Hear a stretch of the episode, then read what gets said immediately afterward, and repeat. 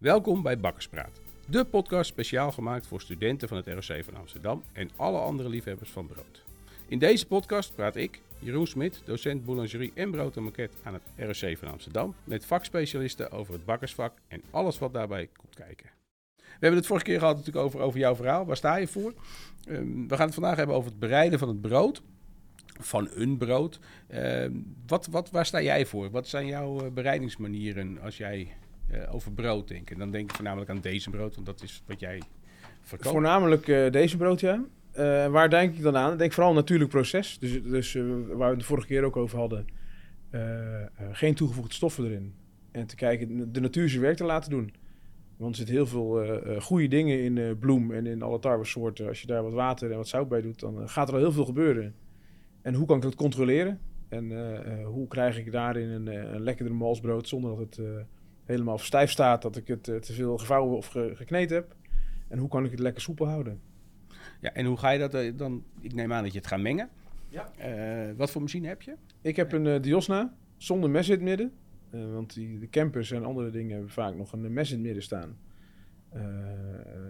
Ik heb me toen de tijd laten adviseren. En ik merk wel dat het ook bij andere bakkers.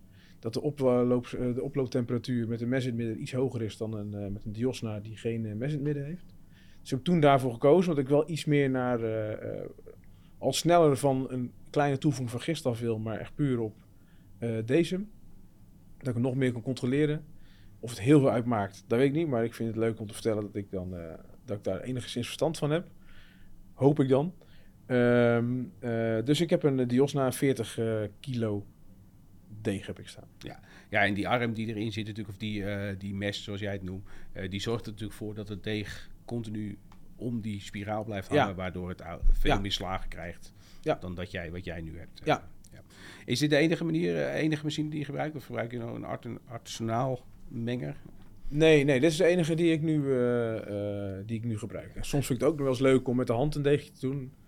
Gewoon als ik zin heb, als het in de winkel bijvoorbeeld... ehm, nou, woensdag heb ik weinig voorbereidingen voor de donderdag. En dan vind ik het wel eens leuk om gewoon een slap en fold een deegje te zetten. Vinden klanten leuk, komen ze binnen. Staat de bakker, eh, staat daar eh, met spetters op zijn gezicht eh, deeg te draaien. Dat doe ik er, dan ma- maak ik misschien twee, drie broodjes van. en, en dat vind ik leuk om te doen voor mezelf. En wat smaken te proberen.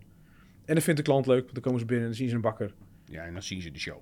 Aan het werk, ja. Ja. Show, show cooking. Ja, mooi. Ehm, meng jij en kneed jij alles al- altijd helemaal af, of hoe doe je dat? Nee, ik probeer wel short, hè, de short methode. Dus ik probeer hem eh, wel met vouwen nog eh, later eh, spanning te krijgen. Ja, dus sommige degen zie ik echt in mijn, in mijn, bulk, in mijn bakken gaan en denk, nou, wat dit ooit moet gaan worden, dat op, op hoop van zegen dan maar. En na twee, drie keer vouwen merk ik al dat er, een, dat er, dat, dat er power in komt.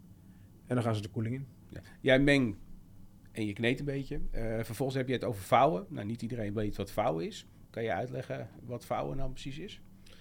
Ja, is, eh, je, kan, eh, je kan ervoor kiezen om eh, met, je, met, je kneder, met je kneder dat, dat deeg volledig af te kneden en, en klaar te maken. Dat het, dat lekker stevig gelijk in de bulk kan en weg.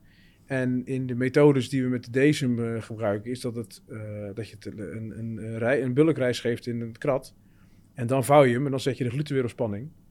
En dan laat je hem weer lekker rusten, dat hij lekker weer uitzakt. En dan ga je hem weer nog een keer vouwen, zodat je die Normaal wat je slagen met de machine aan zou zetten, kan je nu aanzetten met, een, eh, met vouwen. Ja, precies. En het grote voordeel is dan natuurlijk als je het vouwt, dat er wat minder lucht in komt. Ja. Zuurstof, wat dan weer voor die Minder oxideers. Ja, zorgt. En dat wil je eigenlijk niet, denk ik. absoluut. Nee, mooi. Eh, dan heb je het gevouwen. En dan? Dan gaat het, eh, bij mij gaat het, na het, als het die bulk gehad heeft, het is doorgaans een uur bij mij van de meeste broden. En als ik een, bijvoorbeeld echt mijn volledig 100% deze heb, gaat het bijna tot, van anderhalf tot drie uur eh, blijft het in de bakkerij staan. Eh 100% deze broden maak ik vervolgens direct op.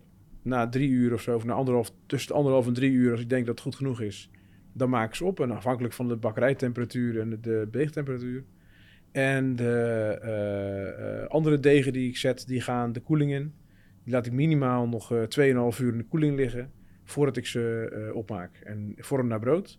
Dan gaan ze op planken. En op plankjes gaan ze de, opgemaakt gaan ze de koeling in. En daar overnachten ze. En dan gaan ze direct na het opmaken de koeling in? Ja, direct het opmaken de koeling, ja. Zowel de 100% als degene die uit de koeling komen? Uh, ja, ja. Ja, en dan wil ik nog wel eens een keer dat ik bijvoorbeeld met een uh, mijn boerenbrood, vind ik wel, met pezan, vind ik wel fijn om die, voordat ze de oven in gaan, nog even een half uurtje in de bakkerij weg te zetten. En, en wat is daar de reden achter? Ja, dat hij net ietsje meer eventjes, dat hij niet zo'n grote opdonder krijgt, zoals ik het noem, in de oven gelijk. Dat die, dat die vergisting nog even doorgaat buiten de koeling, want onder de, onder de 6 graden uh, staat natuurlijk je, je gistproces stil.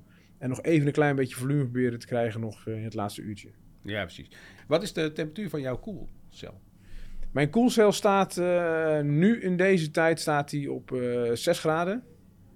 Uh, ik merkte met deze dan wat, wat, wat, wat mooier blijft. En dat ik ehm, mijn broden mooi de oven uit, uit, de koeling komen voordat ze de oven ingaan.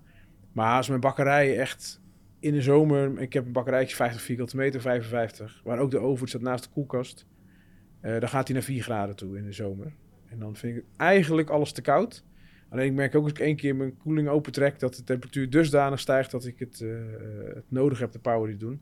En dan wil ik s'avonds nog wel eens een keer naar huis toe gaan of s'avonds later op de avond nog even terugfietsen de bakkerij. En dan zet ik hem even naar 5 graden.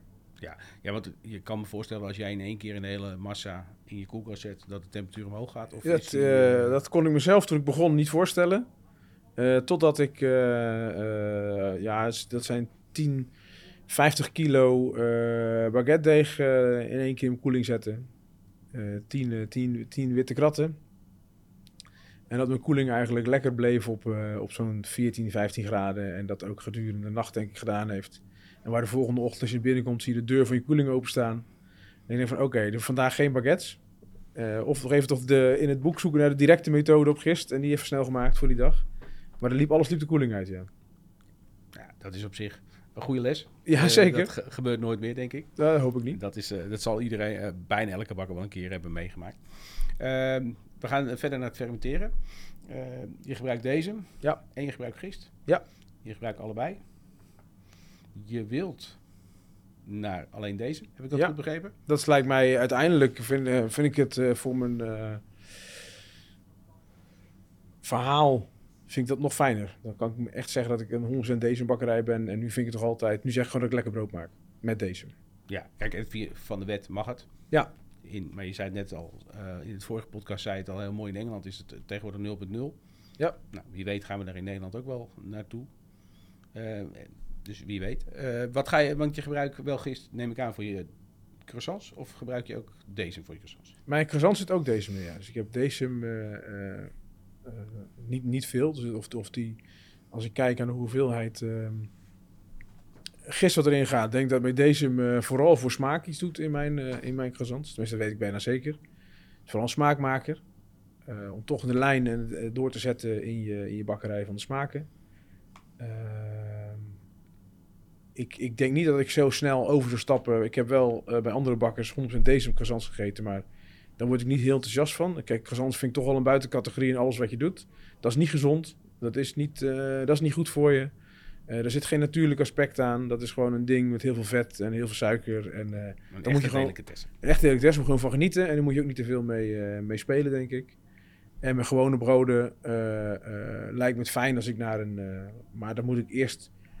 Hè, ik kom uit reclames, dus gehoord heb daarvoor. Ik heb een opleiding gedaan waarvan ik pretendeer dat ik kan bakken. Nee, wat ik zou moeten kunnen. Ik denk dat ik nog heel veel lange weg te gaan heb, wil ik een hele goede bakker worden. Maar dat is in principe een beetje hetzelfde als wat wij bij het RC doen.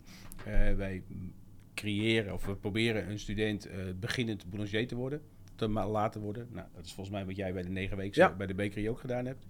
ja, en dan begint het. Ja, ja autorijden. Hè? Je hebt je rijbewijs gehaald en nu moet je meters maken. Ja. En ik kan verklappen dat die meters in de auto sneller gingen dan... Uh, dan uh, ik dacht zeker dat ik, uh, toen ik één maand mijn rijbewijs had, dat ik een hele goede chauffeur was.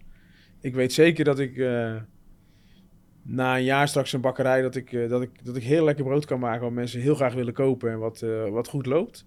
Maar of ik dan ga durven te zeggen dat ik een hele goede bakker ben, dat, dat, dat weet ik nog niet. Nou, ik denk dat je in ieder geval de weg gevonden hebt om een hele goede bakker te worden. Nou, dat hoop ik dan Dat maar. denk, denk ik wel, als ja. ik dat zo zie en hoor. Um, wat voor soort decem heb jij? Heb je één soort of heb je er meerdere? Ik heb één decem, ja. Ik heb wel geprobeerd om meerdere dezems te werken. Toen ik begon, begon ik heel ijverig met een eh, stief eh, te werken in mijn deeg. En, op, en dan had ik nog een roggendecem staan en ik had gewoon een decem. Maar ik merk, dat is gewoon een, ta- een T65 eh decem die ik heb. Eh, maar ik merkte al snel dat dat, als je alleen werkt, te onoverzichtelijk wordt. Je moet te veel dingen eh, stabiel houden. Eh, dus ik heb mijn, eh, mijn eh, bijvoorbeeld een ciabatta's, daar zit eigenlijk een Steve Levin in. Heb ik omgerekend naar een eh, normale decem. Dus ik eh, gewoon een, een Ja, alles liquide via liquide. Alles via de liquide en die, eh, dat, dat, dat, werkt gewoon als je alleen werkt heel fijn. Ik heb wel, ik maak wel een Steve Levin voor mijn Cerglus, voor mijn roggen. Maar die verkoop ik alleen op vrijdag en zaterdag. En die draai ik ook vers 's ochtends. Dus die draai ik niet. Steve Levin draai ik wel al twee dagen van tevoren, laat ik fermenteren. En het deeg zelf draai ik s ochtends als ik binnenkom. En die stift gebruik je omdat die dan wat meer power heeft en wat extra zuur. Ja, extra zuur en weer verdieping in de smaak. Ja, mooi. Ehm, gaan we verder naar het hydrateren.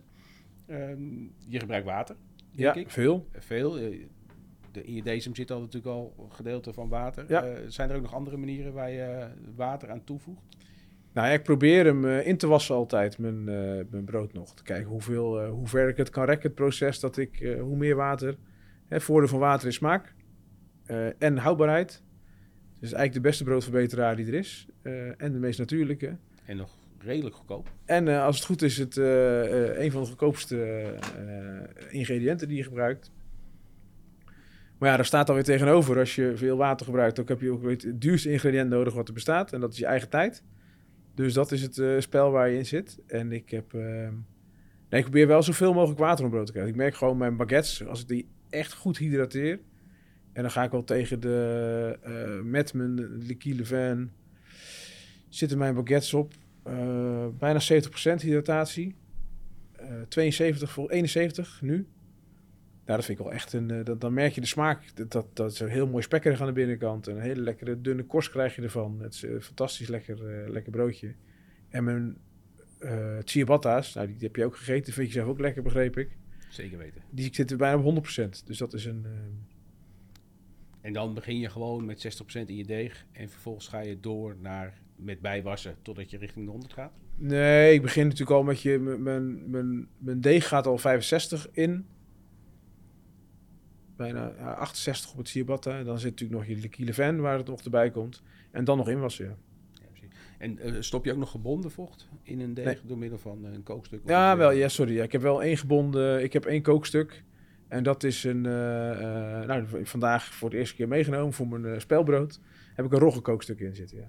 Ja, precies. En is dat dan de reden dat je dat kookstuk erin doet vanwege de gebonden vocht of smaak? Of het is een combinatie? Nou, het is mooi sowieso voor je gebonden mooi vocht, want ik kan dan iets meer vocht erin kwijt. En eh spelt is nog niet degene die het meeste vocht opneemt. Dus ik heb iets meer erin. En daarnaast geeft het ook echt een verdieping aan rogge, een verdieping aan je smaak ook weer. Ja, mooi. Eh, heel mooi. Ehm, je werkt met vertraagd proces natuurlijk. Ja, Eh, alles behalve je roggen, begreep ik.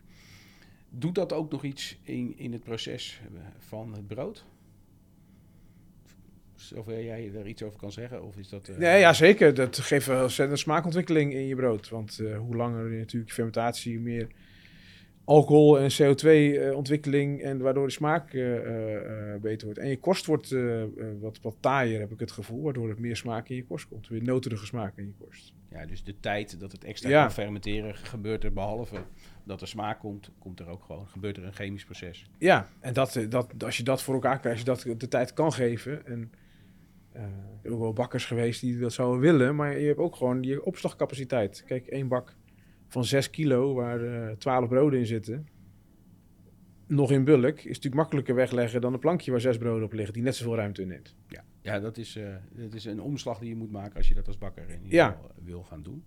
Ehm, heb jij mensen in je winkel gehad die een glutenintolerantie hadden Elke dag? en opeens toch wel brood kunnen eten? Ja, een heleboel. En dan vooral met, eh, met de, de bataar cereal die ik maak. Waar alleen maar, eh, waar, waar niks, geen toevoegingen in zitten. Dat is alleen water, bloem en zout. En wat, eh, wat, wat, eh, wat pompoen, haver, lijnzaad en zonnepit zit erin. Daar merk je van dat die door die lange fermentatie, dat ze daar gewoon... En, kijk, do- doorgaans hebben mensen last van de zuren in broden. Toegevoegde de broodverbetermiddelen waar ze last van hebben. En dat noemen ze dan een glutenintolerantie of een glutenallergie. En als ze echt zeggen, ja, ik ben in het ziekenhuis geweest en ik heb glutenallergie, dan zeg ik, oké, dan moet je een nieuw brood gaan proberen.